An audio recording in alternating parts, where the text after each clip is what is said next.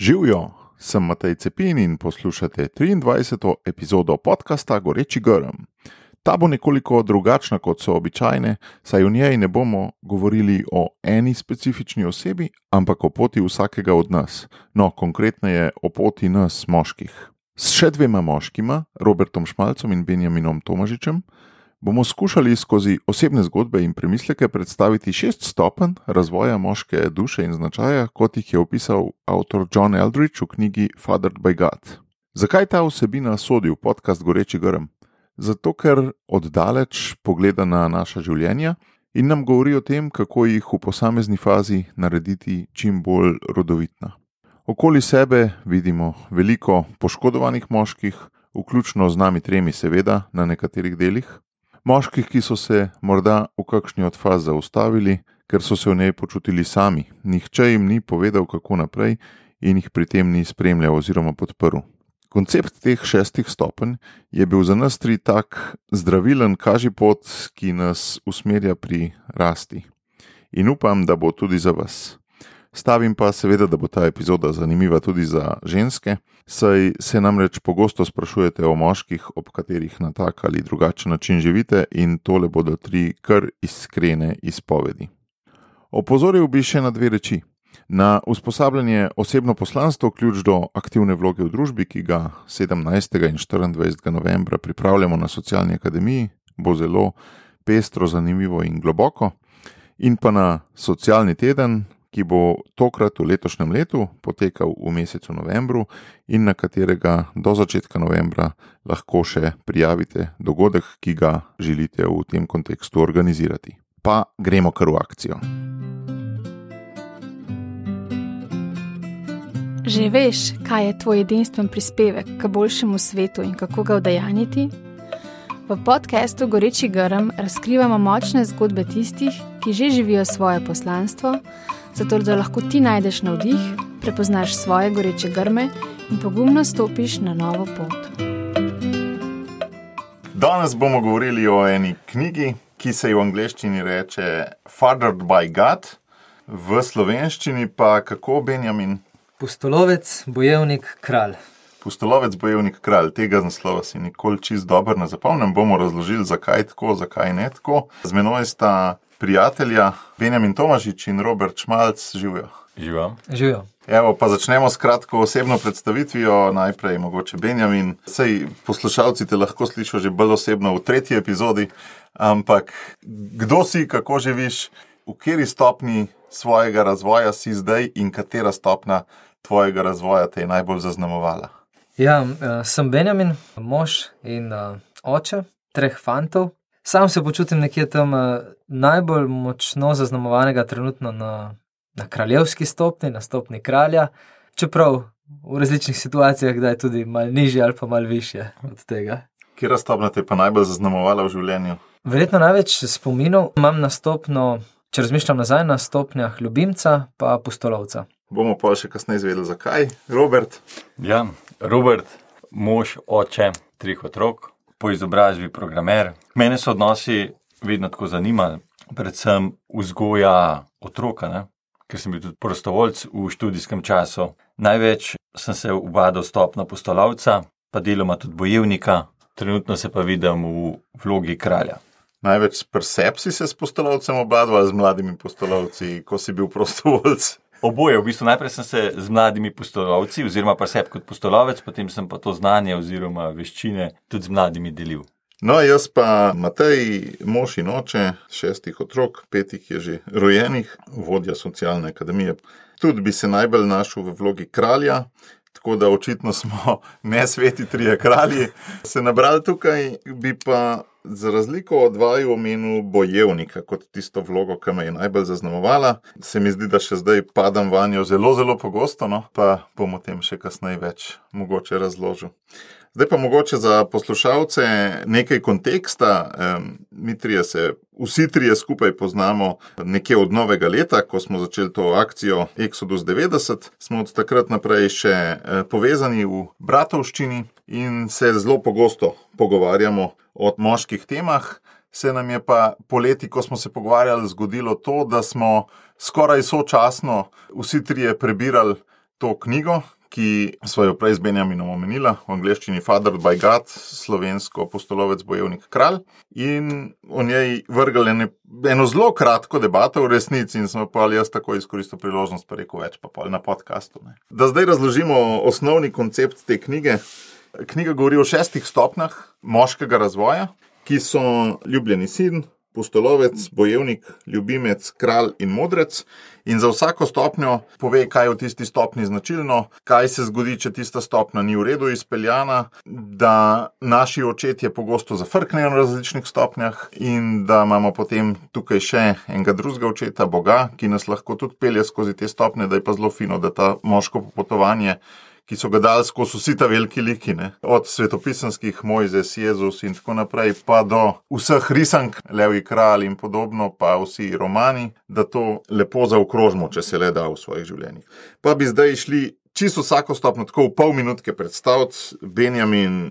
Kaj je značilno za ljubljenega sina? V začetnem obdobju življenja, ko um, je naše iskanje uh, usmerjeno tja, da se počutimo ljubljeni, da smo uh, zaželjeni, da smo kot punčica v očetovem pogledu. Tako da smo objeti, varni, če malo svetopisansko metaforo vzamemo, da smo še znotraj uh, rajskega vrta, da ni še zelo vstopilo in napadlo, oziroma ni še tega izvirnega greha.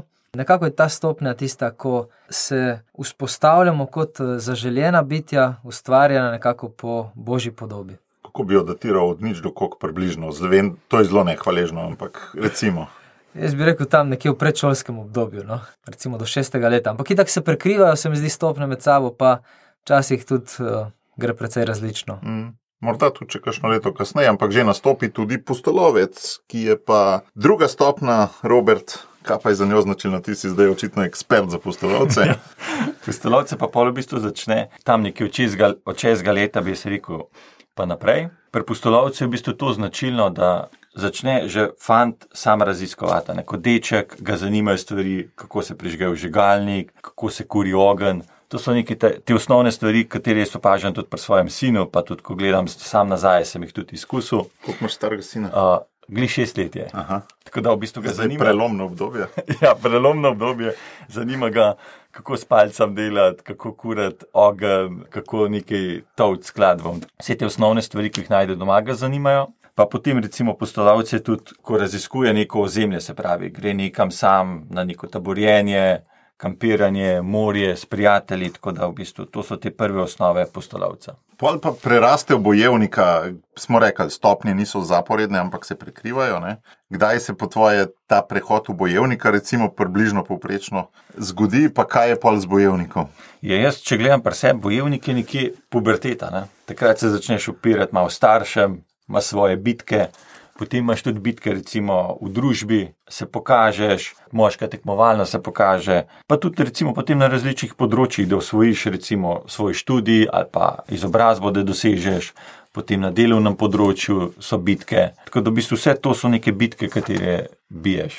Kakšna je po tvoje razlika med postolovcem in bojevnikom? Postolovec je raziskovalec, se pravi, ne, ne spušča se v neke bitke, se pravi, postolovec nekaj raziskuje, odkriva neke nove stvari. Se, bojevnik pa v bistvu je soočen tudi z različnimi izzivi. Moraš opraviti neko nalogo, prideš z osebo, ki se s tem ne strinja. Ne? Recimo, primer starši ti dajo neko zadolžitev in ti se z njo ne strinjaš ne? v tem času odraščanja. In tle se boj, bojuješ. Potem, če gledam malo kasneje v študijskem času, imaš razne bitke v smislu bitka za stanovanje, kje bo zdaj bil, se pravi, moš poiskati neko stanovanje. Pri bitkah je v bistvu določen cilj, kaj želiš doseči, in bitka potem za to se odvija. Veš, kaj pri obeh je tako survival. Ne? Pri postolovcu je survival, ne? in pri bojevniku je survival. Ne? To je podoben. Ja. Ja, sam se mi zdi, pri bojevniku gre tudi to, kdo je na nasprotni strani. Mm. Postolovec v bistvu je sam s sabo. Ne? Tako, sam s ja. sabo, veliko krat, bojevnik pa te polni, tis, da se fajtaš z nekom, ne? mm. da rasteš tudi ob tem, se, se tekmuješ na nek način. Se pravi, pri postolovcu razbijaš ogledalo, ne vidiš več sebe in pa se fajtaš z drugimi. Ok, pol pa, ko smo si razdelili, sem pa jaz faso tega ljubimca, ki je pa kar zahteven, saj meni osebno. No. Ta bojevnik potem najde še višjo raven tega boja in se nekako počuti pol ljubljenega in da je sposoben tudi sam ljubiti. Se pravi, niso vse samo bitke, ampak opaža, da ga tudi eh, Bog blagoslavlja in samo življenje z mnogimi prelepimi stvarmi, ki si jih je mogoče malo zbojeval, mogoče pa opazi, da niti ni vseh zbojeval, ampak da mnogo več je tistega, kar mu je dano. Ne govori samo o ljubimcu moški ženska, ne, ampak govori o tem, da je bolj pomembno še, oziroma da je še predstopnja, je, da se počutiš ti ljubljenega od Boga. Seveda, naši možgani ga takoj na odnos moški ženska povežejo, avtor John Eldridge ga pa na moški versus Bog. No in tate potem, ne, ko se ljubimstvo namnoži, potomstvo se namnoži, postaneš družinski oče, pa ne misli samo tega, ne, te vrže v stopnjo kralja. To je pa tisto, kar smo se vsi trije identificirali. Ko nisi več toliko bojevnik, pa ljubimec, ampak dobiš kraljestvo v upravljanje. Ne. Zdaj, kaj so ta kraljestva? Hiša, podjetje, crkva za duhovnika, župnija, nevladna organizacija lahko lahko je niva, ki jo imaš. Eh, recimo, odglik danes, ko sem šel mimo po cesti, sem videl spet soseda v avtodomu, ki ga ima totalno spedenega, ker pač pri starših živita z ženo ne, in je pač tisto njegovo mobilno kraljestvo. Ne. Kralj. In potem, ne, ko nekoliko zgubiš moč, pa prideš v fazo modreca, Benjamin. Ne. Ja, v bistvu gre eh, v tej fazi modreca za predajanje, da prepustiš prestol tistemu, ki se čuti nekako na višku svoje energije, moči, pa ne z nekega tako uh, zagrenjenega priokusa, ampak da se postaviš na, na mesto, za katerega si dozorel eh, skozi to fazo kralja. In uh, da lahko pol svoje izkušnje, mnenja, poglede, širino predaš naprej kot nek modrec, kot nek spremljevalec, kot tisti, ki pomaga mlajšim na tej poti do odraščanja. To je teh šest stopenj. Če jih še enkrat ponovim za poslušalce, ki jih mogoče si niso zapomnili: ljubljeni sin, postolovec, bojevnik, ljubimec, kralj in modrec. Te stopnje niso čist zaporedno vezane, bi rekel poštromarsko, ampak se mal prekrivajo, kot eni gausi zamaknjeni, če bi si jih predstavljali. Recimo, no? Kar je pa mene najbolj nagovoril, je pa to, da na vsaki stopni rabimo nekega očeta. In naši očetje na nekaterih stopnjah, seveda, niso bili popolni. Eldridge tako zelo čustveno opiše ta občutek, ko se počutiš sam, ko si preveč ponosen, da bi koga vprašal, pa nimaš nikogar, ki bi te v tej stopni mal naprej potegnil. Pa to doživljam jaz včasih pri svojem sinu, ki je tri leta star, in pri kakšnih starih ljudeh, da se počutijo sami in ne vejo, kako naprej sicer ne izrazijo tega tako. Ne. Eldridge to opisuje s popravilom na vrtu, kako v bistvu prvič nekaj popravlja in mu gre vse na robe, in zgubi par dni s tistim, in je vzbesen in se počuti sam, in zakaj se lahko počutiti sam. Ne? Kakšna je vloga teh vodnikov, očetov v teh naših življenjih, imate kakšno izkušnjo osebno s tem? Jaz bi morda tukaj dodal še eno stvar, da smo vsi, ki smo očetje, tudi uh, tukaj, sveti tri kralji, v bistvu tisti, ki, ki včasih svalimo. No? Da je to del življenja. Tako morda, da ne bi kdo uh, razumel, da obsojamo zdaj ali pa da se imamo mi za mm. popolne. Tudi mi smo zagotovo dali kdaj občutek uh, ali osamljenosti ali tega, da nismo na primeren način spremljali, vodili naših sinov oziroma tistim, ki smo jih bili poslani. To je bil zdaj disclaimer. Ne? Ja, to je bilo v oklepaju, ja, tako, do, do, do, dodatek. In, in tukaj je tisto uh, iskanje bližnjih, ki jih pošilja Bog, oziroma po katerih lahko rastem naprej, ki so mi poslani, da mi stojijo ob strani, oziroma da mi kažejo tudi to podobo, še vedno ne popolno podobo Boga, dokler se ne obrnem direktno na njega in ga ne spremljam za nekoga. Kdo je to pri tebi konkretno? Uf, več ljudi je. V bistvu, jaz sem imel kar malo problemov, ampak to bi. Uh, Kasneje, ko bomo prišli do stopne modrice, da ne bom preveč spojil, ampak tako, ni, ni samo ena oseba, ki mi je na tej poti pomagala dopolnjevati liko četa. Kje pa najbolj to rabo? Na tistih stopnjah, ki so me najbolj zaznamovali, prej se mi zdi. Ja, to pa in, uh... zavrtite nazaj, epizodo. Kaj ti, Robert? Moj oče je bil prisoten bolj v teh začetnih stopnjah, potem pa, ko gledam, je tudi sam ene stopne še ni dal čez ali pa se je na eni stopni ustavil. Tako da v mhm. bistvu so bile pa različne osebe, od duhovnikov, voditeljev, učiteljev, ki so me pač spremljali, ne? recimo v fazi bojevnika, v, v študijskih časih, potem v fazi ljubimca, zdaj ko gledam nazaj, v bistvu ta faza mi je najbolj manjkala. Pa v fazi kralja, pa dan danes še, še se zgodi, da še enkrat sprejmem kakšno odločitev, pa potem vidim, da bi bilo dejansko boljša, če bi šel po drugi poti. Uh -huh. In tle je važno, kot je Benjamin povedal, da tudi če narediš napako, da si to priznaš in poiščeš potem pot, ki bi bila ustrezna. Ja, v fazi kralja, kot smo zdaj le, tudi iščemo take očete. Mogoče so to diglih modreci, ne? šesta stopna. In meni, recimo, je bil tale eh, John Eldridge, ko sem prebral to knjigo poleti, neke vrste tak modrec. Pa gremo zdaj potem po posameznih stopnjah.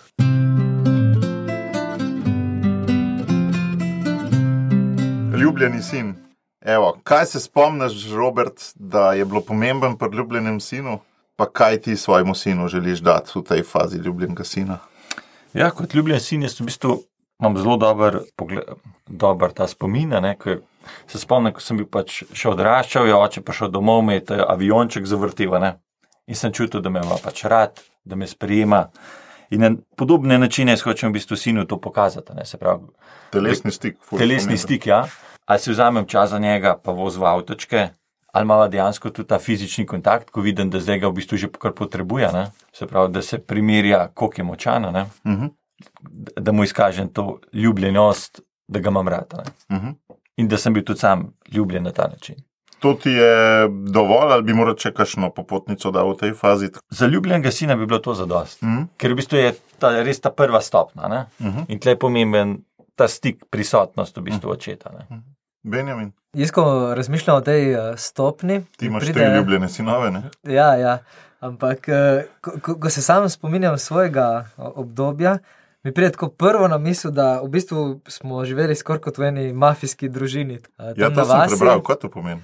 To, to pomeni, da smo bili v bistvu dost velika rodbina, no, ali kako ne rečem, sorodniki, ki smo imeli skupaj hišo.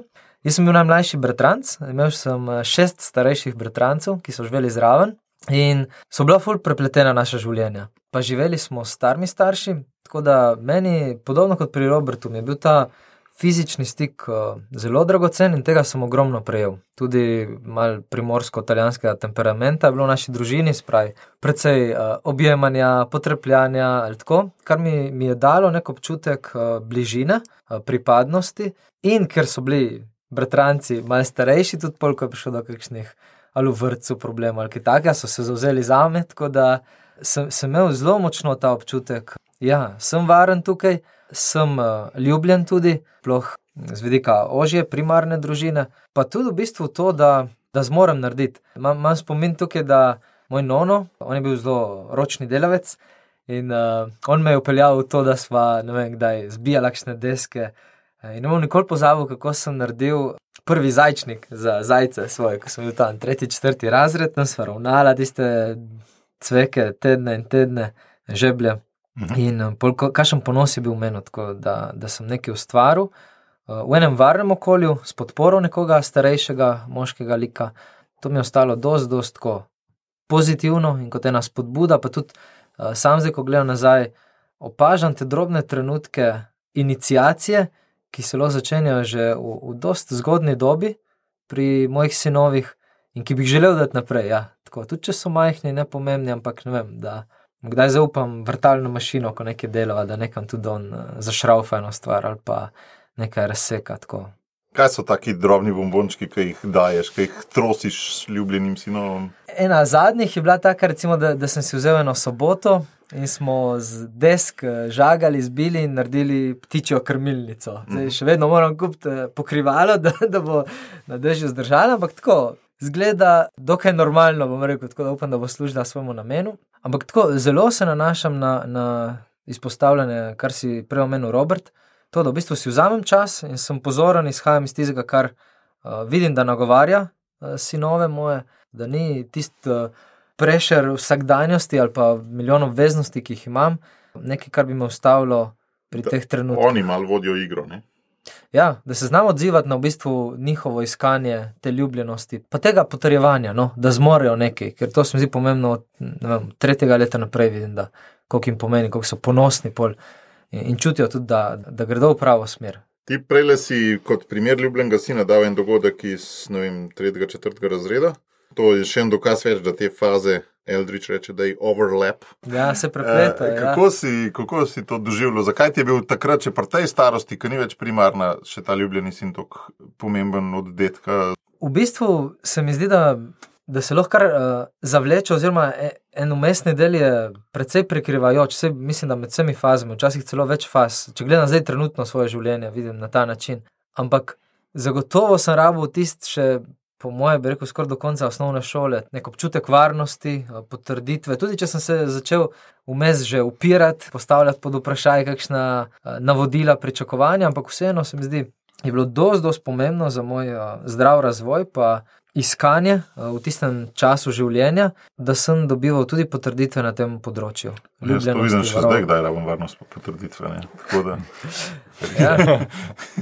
ja, so v bistvu z te vloge, da smo ljubljeni božji otroci, ne, naj stopimo do, do Ja. konca. Sej, en drug pogled bi bil tudi, no, da se sam nalagajo te stopnje. Ali pa se tudi zdaj sem že mal modrec, za koga lahko. ne. Mm.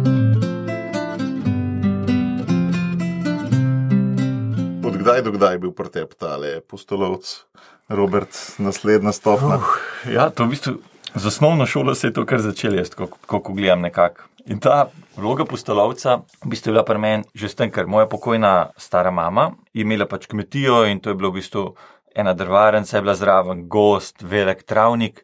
In jaz po šoli vidno sem k njej prihajal, pa tudi tako sem bil v varstvu že pri njej pred šolo. In meni je bilo res to super, ker to ona je imela orodje, kladivo, žage, vse, kar se pač da dobiti. In jaz sem to vzel in uporabil, vrvi, vse raznosil. In ona se je vedno jezila, ni problem, če vzameš, samo vrne nazaj. ko pa mi to iščemo in zdaj, ko gledam sina, isto dela. Pa Ja, moj tudi kovček za urodje skozi razturen najdem. No, ampak je bilo res to dragoceno, ta svoboda, ne, se pravi po raziskovanju. Mi smo preplezali vse gozdove, vne hiške, lovske, vmes se je zgodila tudi nesreča. Pač v osnovni šoli je en prijatelj, tam, ki živel zraven babice, pač mi smo šli na plezati na eno hišo in je padel dol, in se je pač nogo zlomil, in pa je imel tudi pač dolgo okrevanje. In takrat, ko, ko sem razmišljal, nekaj normalnega, ne, zdaj, ko gledamo, v bistvu smo še dobro odnesli. Ne. Pa še ena taka dobra je uh, prigoda, mislim, dobra. Srečno se je končala, lahko se ne bi. Je bila pa srednja šola, petarde. Se pravi, so šolci, jaz sem hodil na, na Vigovo, sami fanti, da jim tekmovati, ne, kdo bo petarde zrihtal, kdo jih bo pač kupil. In Starši mi tega itak niso dovolili, niti niso vedeli. Ne. Jaz sem prišel v šolo, kupil celo škatlo, pa sem imela pa sosedom tak način, da on mi je pokazal, se pravi, če petardo ti odlomiš, je noč smodnik in prežgeš tisto lepo zaprasketane. Dokler se ni en večer zgodil, da grem jaz s sestro, pa sestrično, one dve sta bile mlajše, hodimo po ulici, jaz naredim isto. Ampak napaka je bila, da jaz petarde nisem odlomil dovolj zgoraj, se pravi, pri kapci, da bi smodnik lepo na sredin počul. Sem ga prehiter, se pravi, preveč je ostal uh, te kapce in mi je v roki zadeva počla. Ne? In jaz sem bil takrat po tem dogodku, ene tri dni res nisem slišal na, na uho, pa na drugo zelo slabo. Ne? Ampak na srečo se je dobro končal. Ker res pač takrat ti strahu staršev nisem povedal, Eh, sestrična pa sestra sta bili tiho, tisti večer sem prijel petarde in jih vrgel v smetje. ne. Ko gledam zdaj nazaj, je Bog tisti trenutek, je v bistvu on bil z mano. Ne? Ni bilo nobenega odraslega, nobenega drugega moškega. Ne? Sam sem bil, lahko bi se usodno končal, ali z roko, s prstom, ali pa izgubo sluha, pa se je na srečo dobro končal. Ti, ja, veš, da jaz imam pa imam tako spomine postolovske na osnovno šolo, predvsem po šoli smo razne traparije počeli, ampak imam pa tako občutek, da glavnina postolovca je bila pa zame zamaknjena v srednjo šolo, ko sem začel hoditi na te tezajska srečanja, pa to, sicer še vse organizirano, ampak sam po evropskih mestih pa to. Ne. Pol pa v študentska leta, ko sem pa najbolj to močno, ko sem potoval. Jaz sem praktično prepotoval vse te kontinente s svojimi očmi, ki tudi niso na, najbolj zanesljive. Dobro, se sem imel vedno še koga zraven, ampak to so bile res une. Ali po dva dni skupaj na busu, ali spat kar nekje, mislim, med klošari na pločniku v Grčiji, pred železniško postajo, ali na železniški postaji, ali v divjini. Ko itak pol skavti, sem šele v študijskem času prišel. Ne? Tako da jaz sem imel. Tako občutek, da sem imel tega postolovca zamaknjenega, zelo močnega, zelo starosti primerno močnega, ne? prav res direkt užilo, ne? ampak kar že pa naprej zlizam ga malo z bojevnikom. No? Pri meni je ta doba, se, imam občutek, da dosti dolgo vlekla. No? Trapari se spomnim iz osnovne šole, ko sva vem, z bratrancem. Pred policaji bežala z motorjem ali kaj takega. Ne Vem, moja mama se je sekirala, jaz sem v osnovni šoli redno prihajal domov, to že v prvih štirih eh, letih osnovne šole, s podpisi. Ne vem, sem moral stokrat napisati, ne bom več plezal po grajskem obzidju. Jaz sem hodil v osnovno šolo, ki je bila del gradu. Tega je bilo res veliko, no takrat. In se je nadaljevalo, ja. V srednji šoli, najmočnejše zagotovo pa tudi uh, potem v, v študentskih letih. No, to, ko sem šel uh, na misijonske tabore, prav tako videl sem Matej, ko si izpostavil to, ko smo spali v Keniji, v Nairobiju, na letališču. Ta postolovc, uh, tako mi je še vedno ful privlačna uh, stopnja, izzivalna, dosti spominov na njo, pa se mi zdi, da je kar, ja, trajala kar nekaj časa pri meni. Se očitno je pri vseh, veste, zdaj sta to dobro opisala. Mislim, jaz tudi, ko gledam postolovca, v študentskih časih sem jaz isto veliko potoval. Mm. Še zdaj, ko gledam nazaj, 100 evrov si šel za en teden nekam. Ne? Mm. V bistvu si si zrihtal prenočišče, sem kar je letalsko tar, karto bilo treba recimo kupiti ali pa vozovnico za vlak. Kot si Benjamin, ti si dobro to povedal. V bistvu se ta stopna zavleče, pa jaz zdaj, ko gledam na to stopno, v bistvu mi še zdaj zamika, da bi šel mm. kamino prehoditi. Sam mm. pač ni izvedljivo iz družinskega življenja.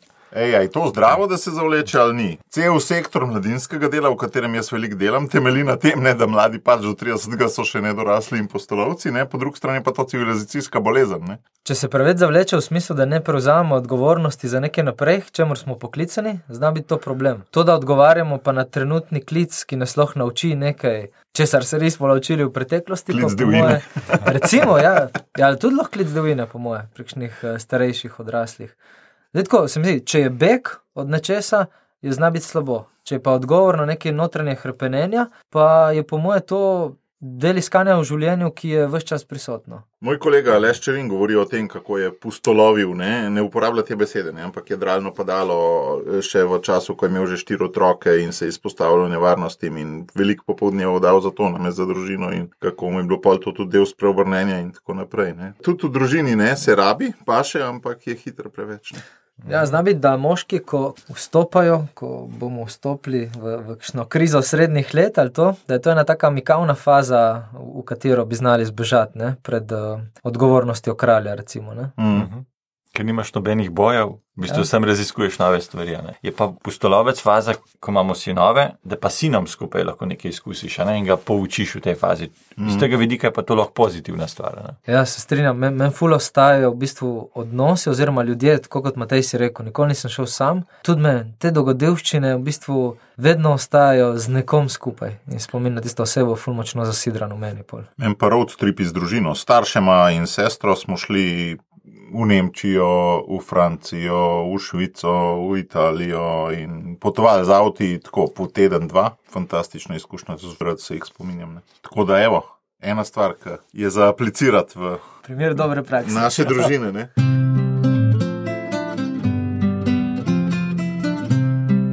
Ta bojevnik je pa po moje tista točka preloma. No. Jaz jo doživljam tako, kot tako, kot si prej ti dober Robert rekel. Nisi več, ali Benjamin se ne točno, nisi več ti tisti, ki je edini v boju, ampak je na drugi strani nekaj. Na drugi strani je nek problem, morda neko zlo, morda je to zlo tudi v tebi, kjer so bili tisti glavni boji.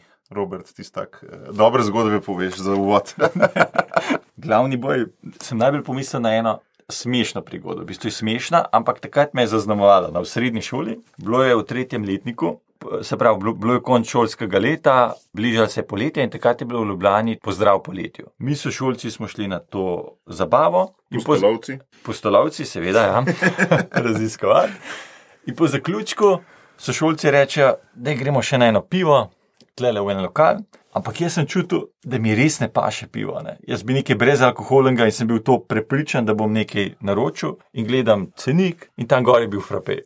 Pride na kilnar, naročijo si pir, pir, pir, pir. In me vpraša, kaj boš pa ti, me zbi pa frape. Meni se je začel kilnar se začel smejati, sošolci se začel smejati. Ne? In pol pa ja, ne boš ti zdaj tlele frape piva. Ne?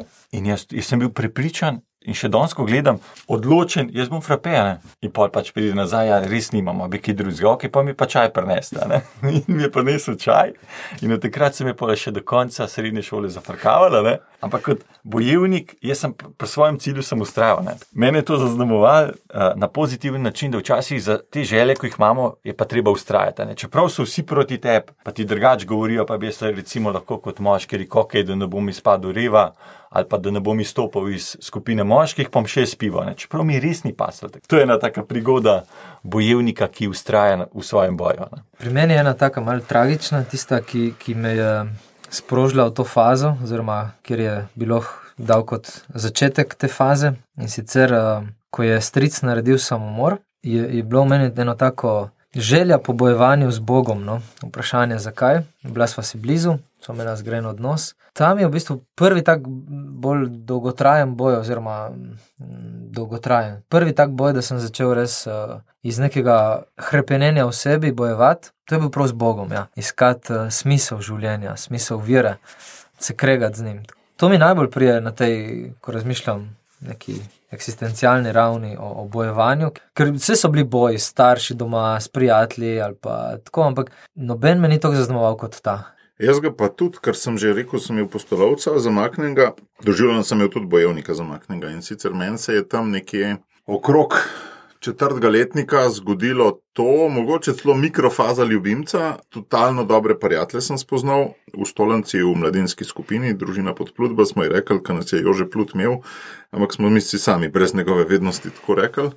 In pa smo si naredili vse, tako ni da ni. Ne. Mi smo si naredili članske izkaznice, pa majčke, pa kapce, pa služenja. Pa... Ej, na koncu smo ugotovili, da smo pogruntali celo skautsko metodo v resnici. Čisto vse, kar skauti delajo, smo mi sami pogruntali, brez da bi poznali skaute. Pa sem jaz v tisti skupini začel prevzemati razne naloge in polis tistega ven. Je pri meni zrasel, da sem šel s skautom, tam imel celo, rečemo temu, kariero v narekovajih in pol na mladinskem cehu in pol še drugje. Mladinski ceh je bila moja prva zaposlitev, ki sem jo doživel kot na nek način tudi boja. Ne? Se pravi, diplomiral sem iz računalništva in pol tisti, uful, dobro, diploma, desetka, wow, čestitamo, ne? kam greš zdaj delati na mladinski ceh. Ne? Ne? Ampak zaradi česa sem šel jaz delati? Zato, ker sem verjel, da z svojim računalništvom v tistem trenutku ne bom ničesar dobrega svetu prinesel. Se pravi, ta razlog je bil v bistvu bojevniški. No, in pol jaz, to je bila služba, moja plača je bila minimalna, 256 evrov, če se preračunam takrat nekaj tasga na mesec. Ampak jaz sem bil včasih dan in noč, jaz sem včasih prespal na cehu. Ne vem, enkrat se spomnim, sem, sem prespal tam in zjutraj ob devetih smo šli izvajati tisti seminar, ki sem ga prejšnji večer razvil. Ne. Take stvari, no, ki so bile v bistvu boj za boljši svet na, na razno razne načine. In iz tega sem jaz že pol, ko sem že tudi malo ljubimca šel, no? sem bil še zmeraj pretežno v fazi bojevnika in zelo čuten, da sem še danes zelo velikrat. Glih, včeraj sem imel tak dan, ko sem bil praktično cel dan za računalnikom, ko nisem bil nič drugega, sam bojevnik. Ne. Jaz se najdem v marsičem, kar si rekel. No, moje bojevanje, naj, največ časa, energije na tem področju je šlo zagotovo v tem nevladnem sektorju, od tega, ko smo ustanavljali Društvo mladih v Župni, pa potem pri študentskem svetu, ko, ko sem bil predsednik in takrat se je še naš faks ravno na novo postavljal. Stavba, pa je bilo treba tam v teh izmenjevanjih mnen in uh, dogovarjanjih in bojih za dobrobit uh, biti prisoten. V bistvu me je vedno bolj srkalo noter, se mi zdi tako, kot ena predpripravljalna faza na kralja, ki pride kasneje. Takrat mi je bilo res uh, ta cilj strašno pomemben. Ampak pol, verjetno, ravno s kasnejšo ali pa s širšo sliko, malo oddaljeno, pa v bistvu boj, ki jih danes bijem, včasih mi je ful lažje sprejeti poraz kot del zmage na poti v neki vojni. Mm. Takrat sem bil bolj noter v ožjem fokusu uh, na nek uh, dogodek, na nek uh, impact, ki sem ga videl samo v tistem trenutku. Recimo. Če pa gledam zdaj vlogo bojevnika, je pa zelo past, da si preveč stvari naenkrat, se pravi, preveč bitk odpremena. V službi različne projekte, potem še doma, kakšno stvar, še uh, pomoč prijateljem ali pa v župni in hiterata preveč teh bitka. Ne? Potem pa ne, ne obvladujem več stvari in vidim, da potem je boljš ne biti na tolikih bitkah, kot na preveč bitkah. Ne? To je eno, dva, najbrž ti ne, ful dobro napisal. Ja, da v fazi bojevnika hudi duh ne deluje samo tako, da te one sposobi za bitko, ampak da ti da preveč bitk naenkrat ne, in pol begaš živčno. Ej, kaj pa je postolovc dal za tega bojevnika vama? Kako je dober postolovc pomagal v tem bojevniku? Jaz bi dve stvari, po mojem, izpostavil tukaj, ki se mi zdi, ta, da sem jih odnesel iz uh, pustolovca do bojevnika. Uh, ena je širina, ob videnju nekih bojev, ki jih drugi bijajo, tako pa tudi neko ponotranjeno izkušnjo zase. In druga je upanje, to, da lohrata, to, da, da se da speljati stvar do konca, to, da se da zmagati v nečem dobrem. Da, da če imamo ob sebi primerno sobojevniško ekipo, da lahko uh, marsikateri boj uh, pripeljem do tiste točke, ki čutim, da je prav, da ga.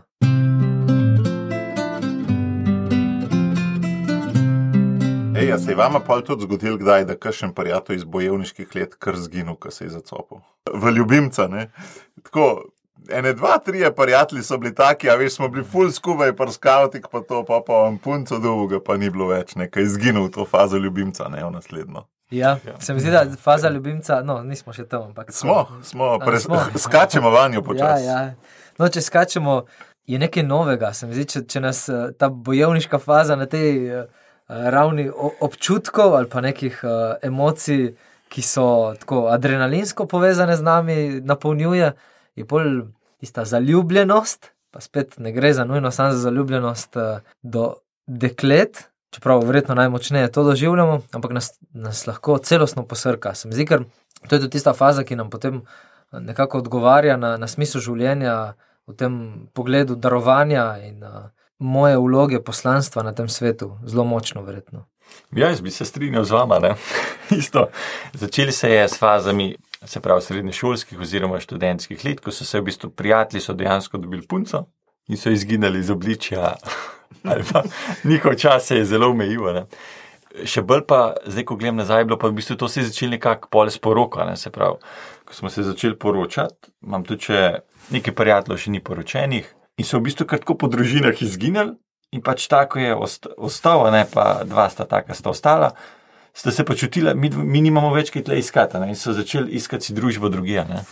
Je, je pa ta faza ljubimec v bistvu, Benjamin, ti si dobro povedal, ja, ta zaljubljenost se pojavi, da začneš potem iskati pri ženski to ljubezen, ne, ki je pa v knjigi opisana zelo na drugačen način, da v bistvu moraš začutiti ljubezen Boga, ne, da te ljubi, šele potem lahko ti ženski to daješ. ne. Ja, Jezus je bil v fazi ljubimca, ne, če gremo skozi Jezusa, recimo na križu, ki je najbolj čustva izzival od ljudi, najbolj je se daroval. Ne, se pravi, gre za dajanje ljubim, ljubi, ljubezni, ne za sprejemanje. Ne.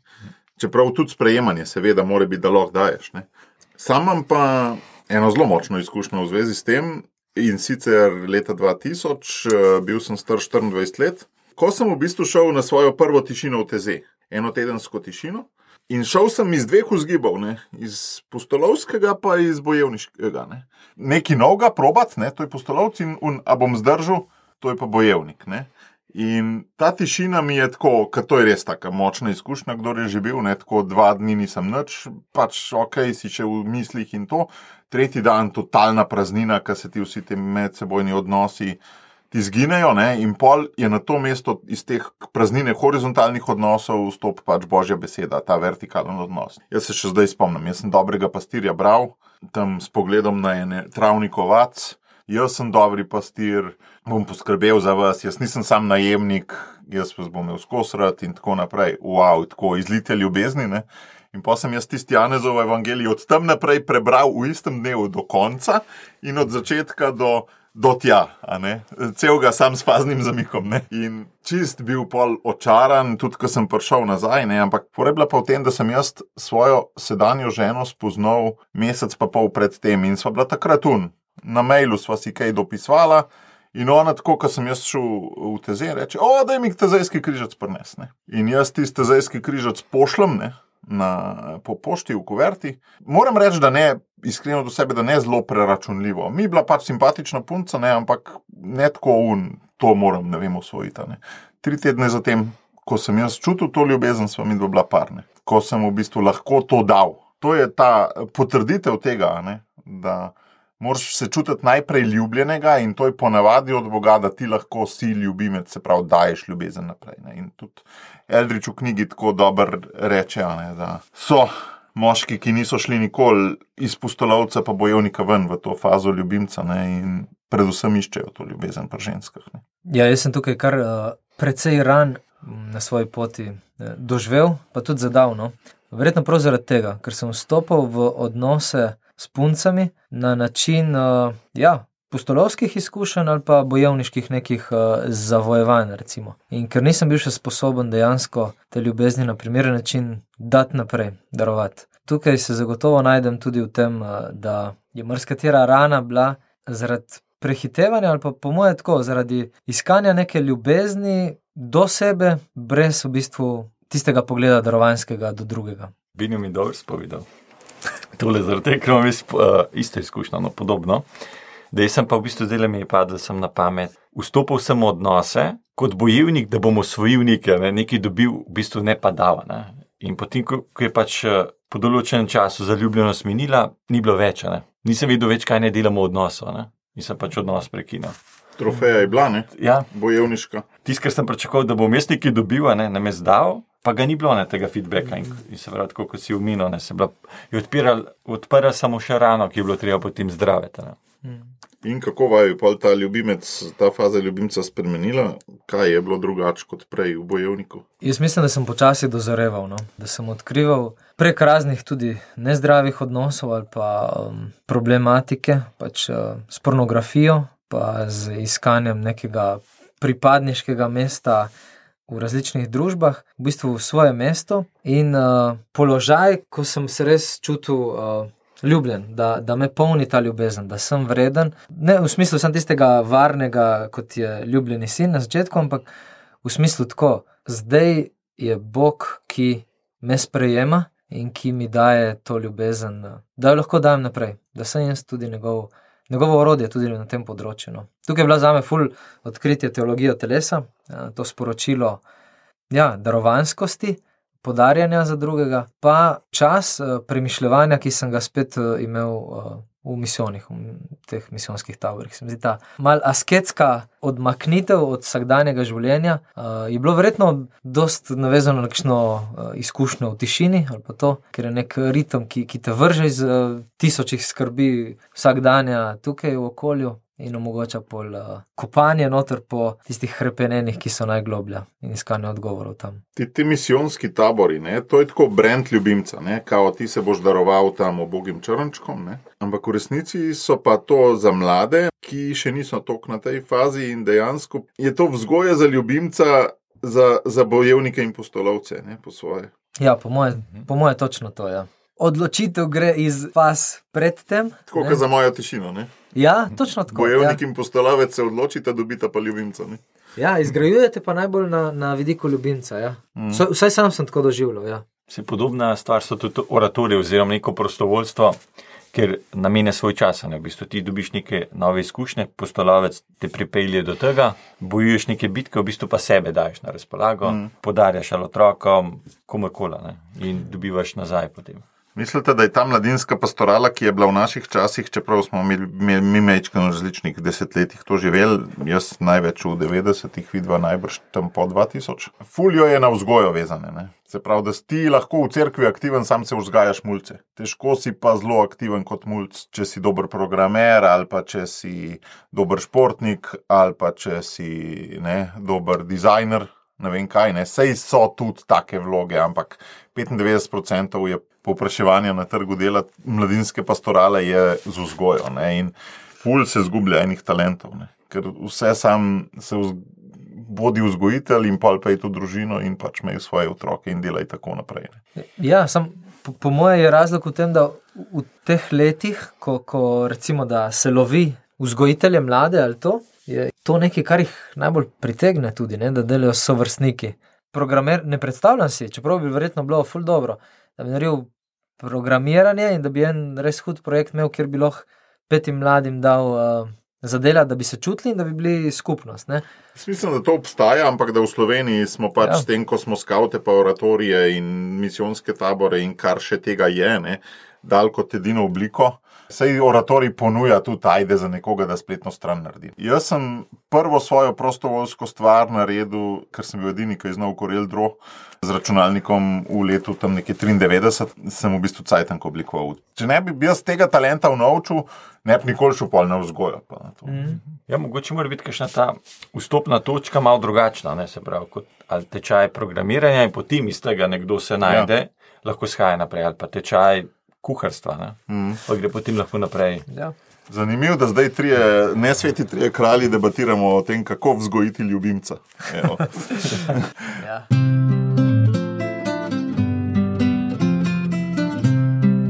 Tale kralj je pa nekaj, kar vsi trije živimo. Zdaj, kaj so največje težave te dobe, to pa lahko smo zelo iskreni. Ja, da kot kralj v bistvu prevzemaš vso odgovornost, vse napake in tudi kiksa, ne? ali v družini, v poslu, kjerkoli pa smo. Tudi od drugih. Tudi od drugih. Ker kralj, v bistvu, mene je nagovoril vse v tej knjigi, je zelo nehvaležna vloga. Ne? Se pravi, če pogledam, ali pa nek voditelj, predsednik države, kot oče, ne vidim, sprejmaš slabo voljo v družini. Se pravi, si tudi lahko za vse kriva, ne? ker pač ne uspeš urediti stvari. Bom dal tle še eno tako zanimivo izkušnjo, no, službena je sicer bolj. Imeli smo en projekt in smo delali, malo, ker smo pač uh, malo zamujali. Uh, jaz sem kot programersko pristopil, vodila je ženska, in potem pač vodja pogleda, da bomo pogledali, kaj smo naredili, in reče: Tole ni narejeno. Vem, da ni bila čisto moja napaka, ker nisem dobil te, ta navodila. Ne? Ampak sem videl, tisti trenutek sem jaz videl, da bom jaz le prevzel odgovornost. In sem potem pač rekel, da tole nismo uspeli narediti, ker nekaj je prišlo do napake v komunikaciji, ampak le bomo odpravili. Se pravi, prevzel sem odgovornost in potem po tem dogodku smo to, sem to uh, uredil, smo uredili. Se mi je ta zahvalila in smo bili vsi zadovoljni. Se pravi, lahko bi pa se delo, ne, to ni moja odgovornost. In bi se zadeva zaciklala. Ne. Tako da tle je šlo zelo v pozitivni smeri, se zadeva končala. Mm. In tudi v družinah, ponovadi, ali pa na drugih področjih, se stvari tako odvijajo. Se pravi, moš prevzeti, čeprav ni čisto tvoje maslo, ampak moš pač prevzeti odgovornost. Zglih obratno, imam veliko primerov preseb, ko jo ne prevzamem, ne? ko pač pustim, da stvari grejo. Go with the flow. Ne? V teh mojih kraljestvih, ki so ne, družina, socialna akademija in še kakšno. Ne? Ne pogledam celostno, ampak se usidam nekam od spodaj v bojevnika in tam bijem neke bitke, ne, ne upravljam pa celote. Ne. Meni je pa, verjetno mi ostaja še od bojevništva, to, kar si prej rekel, Robert, sem se čutil nagovorjenega kot ena mojih uh, šibkosti, tudi da, da je preveč teh bitk. Preveč kraljestev ali preveč bitk? Ni nujno, da so v različnih kraljestvih, ampak jih odpiram pa neodgovorno. Včasih mi uspe in takrat sem miren, ko recimo. Uh, za določeno bitko, za odgovornost, za neko stvar, ki, ki jo prevzamem, kakorkoli, si neko ekipo, tim sestavimo, da premislimo, da lepo steče. Doskrat pa obratno, negativno. V tem smislu me mal tukaj posrka, mal tja in pol uh, skačem z ene na drugo. In čutim, da ni to najboljši način, ali pa sploh dober način za v bistvu vodenje, za kraljevanje, za biti odgovoren. No. Prehitro prevzemanje odgovornosti ali na račun nekega strahu ali uh, osebnega uh, videnja, uh, včasih tudi morda nadutosti uh, ali pa želje. To je pri meni ena taka. Tle jaz vidim dve možni bolezni, ne? če se zdaj postavim v vlogo nekoga, ki to od odzuni gleda. Ena je ta, da kot, fra, kot kralj nimam fokusa. Drugo je pa ta, da se mi ne da biti kralj in raje zdrknem v vlogo bojevnika in pač bijem te bitke in ne skrbim za, za celoto. Ne. Se mi zdi, da jaz obema podlegam. Ne. Ja, jaz tisti prvi, verjetno še bolj kot drugi. Se strinjam s tabo. Jaz pa drugi, po mojem, malo bolj. Mhm. Jaz pa vidim, Matej, da je v bistvu najtežja vloga kralja je v družini. Uh -huh. Ker tam, tam največ ranjenosti pride na plan, in jih je osebno mi kakšne stvari res tu težko sprejeti, biti tako odgovoren in je lažje tako pobegati zapustiti kraljestvo, pa iti malo v boj, oziroma postolovca, tek je taka idealna rešitev, malo za pobegati. Najtežje je pa ustrajati v teh bitkah, ker ti največ dajo, se pravi, ne, pardon, bitka, se pravi, v tem kraljestvu, v družini ti največ ti da. Hmm. Meni je ena taka simbolična stvar, mi je prostor, ne pri kralju. Sej tudi država je definirana s teritorijem, praviloma, ne, ne s prebivalci, ne, ampak s teritorijem. Ne. In pol tisti prebivalci, ki živijo na teritoriju, sodržavljani. Ne. Meni je bilo pred par leti, v bistvu pred eh, minus pet do minus tri leta, je, je bilo eno tako obdobje, ko sta se mi obe dve kraljestvi prostorsko postavili. Ne. Se pravi, iz stanovanja smo šli v hišo, ne, doma, stanovanje pa hiša je, je drugačno, bolj zahtevno, seveda, v hiši. In drugo, tudi na socialni akademiji, ko smo svoje prostore najdali in šli vanje. In jih tudi začeli urejati, ne v ending story, ampak kako koli. Ta prostor se mi zdi, da ima tako pri kralju, ful pomembno vlogo, resnici, bolj kot si mislimo, no? teritorij. Mm.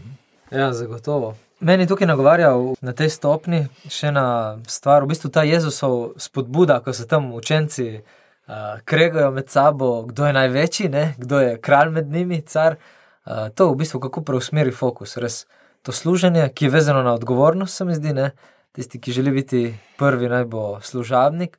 In tako res, eh, kako nehvaležna vloga, v bistvu, ker si ti tisti najmočnejši ščit ne, za tiste ostale, za svoje kraljestvo. Po eni strani, po drugi strani pa je to tisto, se mi zdi, tako kot sam čutim, ali če gre na poslovnem področju ali v družini za odnose, kjer sem kralj, da dajem to varnost. Ne. Pa ne v smislu v bojevniški drži, ampak tudi v odgovornosti, da to gre v to pravo smer, da je naravnano tja, kamor je najboljš za moje kraljestvo, da pride tudi to, ne, da kralj ima svoje bojevnike, pa ljubimce, pa postolovce, ni on to. Ne.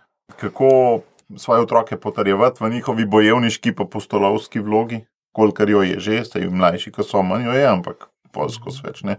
Pa seveda tudi ljubljene se nove in hčere. In ne sam zdrkant v te vloge. Ne.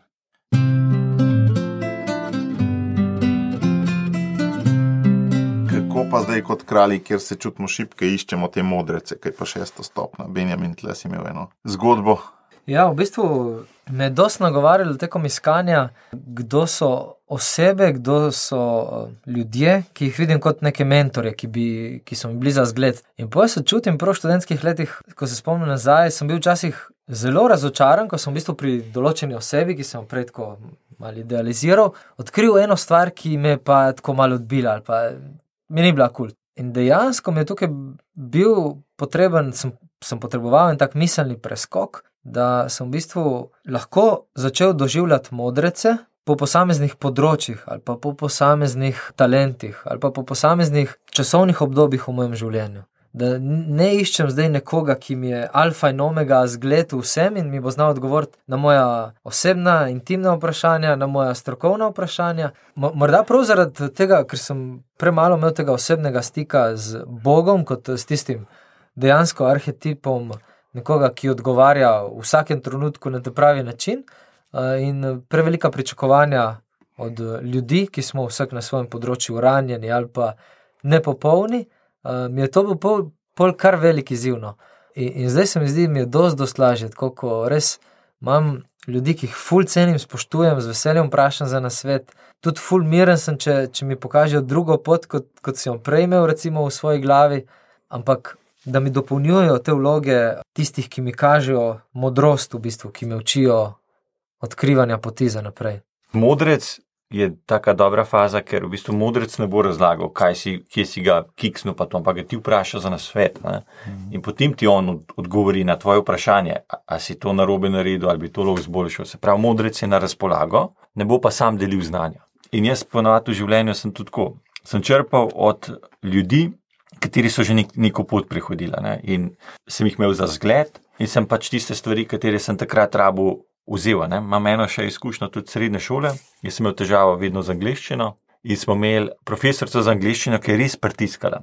Ona je meni skozi tu na robe, na robe in sem se boril za tiste enke, dvojke, enke, dvojke, enke, dvojke. No, na koncu sem maturo naredil pol stri, ker sem bil ful ponosen in ona name. Ampak le vodenje je bilo napačno, ne? vsaj nek feedback sem pogrešal. Ne? In kaj se je pa zgodilo? Jaz sem šel na, se pravi, na faks in jaz sem šel s tem strahom, kaj zdaj naredite. Ne? Znam angliško govoriti, ne znam. In sem šel pač na izmenjavo v tujino ne? in takrat mi je pol zalaufalo.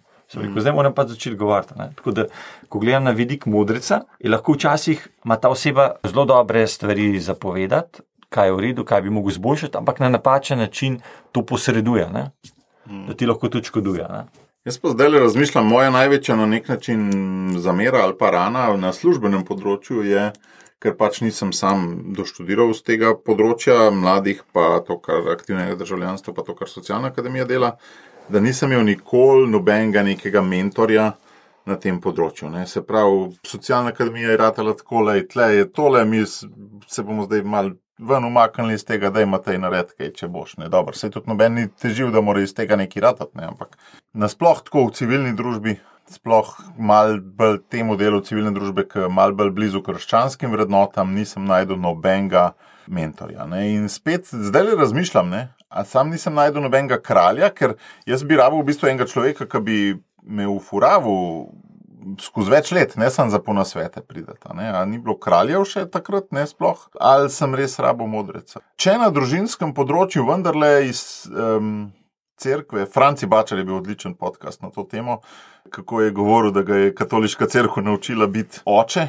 Tu imam podobno izkušnjo. No? Če sem tukaj najdel dovolj modrecev, ne, celo se osebno v zakonski skupini družim z največjim, ne v Sloveniji, Vitalom Vidrom, ki je res star že čez 90 in tako res modrec, ne. pa na tem poslovnem področju praktično ni bilo ničesar. Ne. Tako da pol neke pač knjige, pa nekaj kompenziramo, ampak tako, ki premislim, če bi bil v nekem zdravem okolju, koliko bi bilo manj težav, pa kaj bi lahko že bilo. Ne. Koliko so dol več bi lahko že bilo. Ne. Tako da iz tega se je pa rodilo zdaj ravno to, da, da sam poskušam saj ne še z vidika modreca, ki še nisem, ampak saj kakšne nasvete iz prehojne poti dajati naprej, tudi prek socialne akademije. Ne. Tukaj je tako močno prepletanje, se mi zdi, no, tudi če pogledam svojo pot, da v bistvu ob nastopu funkcije kralja je delček te funkcije v bistvu že predajanje naprej, kar si se sam naučil, prenašanje na, na naslednike. Ne. Ko vstopam v vloge kralja na takem ali drugačnem področju, no, če jo želim to vlogo res dobro, Živeti? ja, moram vstopati v, v počasi v vlogo modreca. Vse to predanje naprej je fulfora kralja. Kaj zares sproži modreca? Modreca po Eldridžu sproži pešanje fizične moči. Ne? Tudi izguba teritorija, v bistvu. Ne? Gospodar postane modrec, ko kmetijo preda sinu. Izguba teritorija in druge fizične moči tudi te prelomi. Ne? Kralj že itak mora dajati naprej, ne? saj že ljubimec. Ne? Tam dajanje naprej se najbolj z ljubimcem začne. Začne, pol, kralj pa modrec, sam se pa skozi nadgradi. Ne? Ja, pri modrecu je to fokus, je to ključ v bistvu ta. Uh, Kako preživeti izgubo moči? a ne? Tu- Tukaj nimamo, se mi zdi, kot družba dejansko nimamo tudi uh, primernega sistema za vključevanje modrecev kot tistih oseb, ki, do, ki doprinašajo nekaj dobrega v družbo. Kulture modrecev nimamo. Ne? Ja. Ja. Ja. Kulture modrecev. Ne? To, da bi si želel pripadati modrecem, polka si star enkrat 60. Plus, ne. Ja, se tudi odrasli, mislim, starejše osebe, doskrat, verjetno, če se jih posluša, se zdijo v napoto večini, ne? namesto da bi se zdaj. Da bi se zdeli tako koristni s tem svojimi izkušnjami, ki jih delijo naprej. mm. Tako, ker neko pot so že prehodili in znanje imajo. Ne? Mm. Opažam, da ko pridejo neka leta, res se zavedajo, da pač morajo zdaj to dajati. a ne, Se pravi, želijo dajati mlajšim moškim pa to. Ampak mlajši moški, ali pa tudi sam, kdaj se zalotim, kaj mi bodo starejši pamet solila. Ne? Pa v bistvu imajo zelo dober namen, samo mogoče res ni na pravi način podana informacija tisti trenutek, kar pa jaz nisem pripravljen jo sprejeti. Tudi na nas je, da gremo po informacijo. Ne? Ja. Meni se zdi to ključno, tudi pri sebi, da v bistvu mi ne iščemo Modrecev. doskrat modrecev mm. in na svetu. Ja. Ali ne vem, zaradi neke časovne stiske, ali zaradi nekih uh, napuhov, nadutosti, ali individualizma, uh, karkoli. Ampak tukaj se mi zdi, je ena problematika današnjega sveta. Ja. Ok, to je bilo šest faz, eh, za konec pa še rubrika Lepo se je kdaj vrniti nazaj. Sam sem to knjigo prebral v letošnjem tezeju, ko sem imel to čast in priložnost, da sem šel ponovno sam v tišino z enim svojim zelo dobrim prijateljem. Sva šla na Interrailu 24 ur do tezeja, eh, šest prestopov. Ko si kot v starih časih zagrneš eh, zaveso na kupeju, sezuješ čevlje, da bo čim bolj smrdel, daš noge čez, da ne boš po noč dubu nepri, neprijavljenih gostov, eh, si kupaš čips in Coca-Colo in se, se greš pustolovca, zato ker se je dobro kdaj mal vrniti nazaj. Zdaj, sam Interrail je bil uh, sprožitelj tega, kam pa vidva rada nazaj skočita. Ja, bi se s- skočiti nazaj, vedno je dobro, kajšne Recimo, že sami eksodus, pa askeze so dobra stvar. Ne? Recimo, malo kopanje. bojevništva. ne? Ja, ja, v, že kopanje v mrzli vodi. ne. A to se bomo zdaj pohvalili. ja, ja. Ko smo izvedeli, recimo, to je taka neka postolovščina. Drugače pa jaz, tako se sem že prej enkrat omenil, da bi enkrat bi San Diego prehodil, ne? Tiago? San Diego, ja, ja, pardon. To je neka postolovščina, ki niti ne vem, če bi sploh izpeljal. Sem žena zaenkrat, če ne, ni odobrila, da bi šla zraven. ne. Tako je sebe videla, ne se pravi, neki taki izzivi, ki bi bili dobri, ampak trenutno še niso izvedljivi. Meni prije na misel um, tudi kakšno to, kar si izpostavil, kakšno kopanje februarja v, v jezeru ali pa kakšni odmiki, recimo, ko grem kdaj um, na Krim ali pa um, kakšen gost uh, laufat ali pa Kaj greš ti, Sam? iskat ljubimca? Tako, verjetno grem skrat stik sam s sabo, ampak grem po moje iz te postolovske. Uh, no, verjetno grem notranje zdaj res bolj zaradi faze ljubimca kot postolovca. ampak uh, postolovci je tisto, kar me spominja za nazaj. Mm. Pa ena želja je še, da to misijonske tabore, ki sem jih izpostavil, da bi družinsko jih doživeli, da bi enkrat peljal družino, v bistvu na eno mm. tako pustolovščino, malo večjo. To mi ostaja.